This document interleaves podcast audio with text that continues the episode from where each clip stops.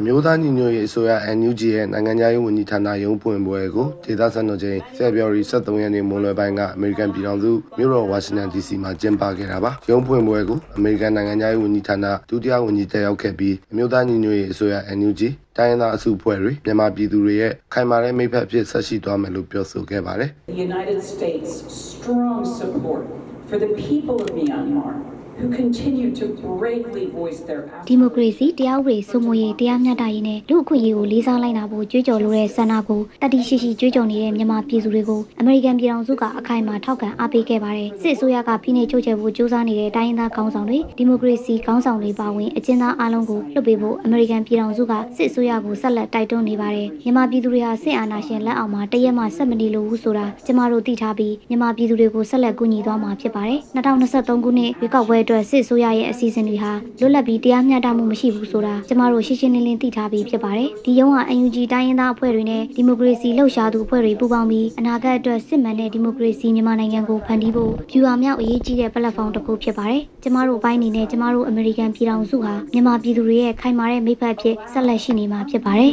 ။ For our part, the United States will remain a strong partner of yours in all these efforts. Thank you. NUG ဟာဥရောပနဲ့အာရှနိုင်ငံတချို့မှာနိုင်ငံခြားရေးဝန်ကြီးဌာနရုံးတွေဖွင့်လှစ်ထားခဲ့ပေမဲ့အမေရိကန်ပြည်ထောင်စုမှာအခုမှတရားဝင်ရုံးဖွင့်နိုင်ခဲ့တာဖြစ်ပါတယ်။အင်အားကြီးအမေရိကန်ပြည်ထောင်စုမှာရုံးဖွင့်နိုင်ခဲ့သလိုအစိုးရတာဝန်ရှိသူတွေကိုယ်တိုင်အခမ်းအနားကိုတက်ရောက်အသိမှတ်ပြုတာဟာတန်တမာရေးရကောင်းမွန်တဲ့အလားအလာဖြစ်ခဲ့ပါတယ်ဒီဒီရုံးရဖွင့်ပွဲအပါအဝင်ပေါ့နော်ကျမတို့နိုင်ငံတကာ movement တွေနဲ့ဒီတွင်းမှာရှိနေတဲ့စီရေးနိုင်ငံရေးလှုပ်ရှားမှုတွေဟာ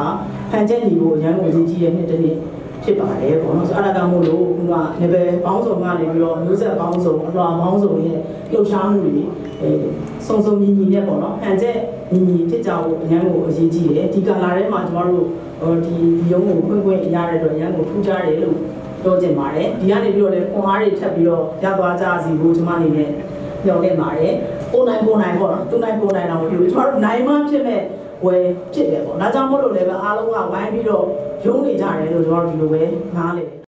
2022နှစ်ကုန်ပိုင်းမှာအမေရိကန်ပြည်ထောင်စုပါဝင်အင်အားကြီးအနောက်နိုင်ငံတွေဟာကမ္ဘာနိုင်ငံရေးဇက်ခုံမှာရေးပြန်သားလာပြီးနောက်မြန်မာအရေးပေါ်အာရုံစိုက်လာပါတယ်။တန်တမန်ကြီးရ NUG ဖွင့်ခဲ့တဲ့စာမျက်နှာဟာစစ်ကောင်စီတန်တမန်ရေးတဲ့အသာစီးရလာတဲ့အခြေအနေဖြစ်ပြီးပြည်တွင်းပြည်ပမြန်မာပြည်သူတွေကတတန်နဲ့ညီတချီရဲယုံကြဖို့ပြည်ထောင်စုလွှတ်တော်ကိုစားပြုကော်မတီဥက္ကဋ္ဌကတိုက်တွန်းပါတယ်ဒီပွဲမှာသူတို့မပြီးလို့ပို့ပြီး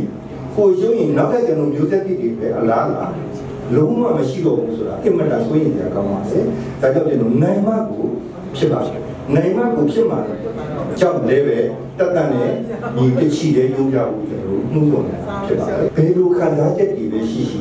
ခံယူချက်တစ်မျိုးတည်းနဲ့အနိုင်တိုက်ကြတော့အနိုင်တိုက်ကြရမယ်ဆိုရင်တန်တိတ်ခံနဲ့ဆက်ပြီးတော့သွားနေကြပါလေလက်ဝဲပိုင်းတစ်ခုအနေနဲ့ ပြောမယ်ဆိုရင်တစ်ဖက်ကရန်သူကတစ်ဖက်ကရှင်ပြိုင်သူကအမှတ်နဲ့အရှုံးပေးဖို့စိတ်မကူအလဲကိုထိုးမှရတော့မှဖြစ်တဲ့အတွက်ကြောင့်အလဲထိုးလိုက်ကြပါဇိုးလိုတိုက်တွင်းရမယ်ဒီလိုဖြစ်ပါတယ်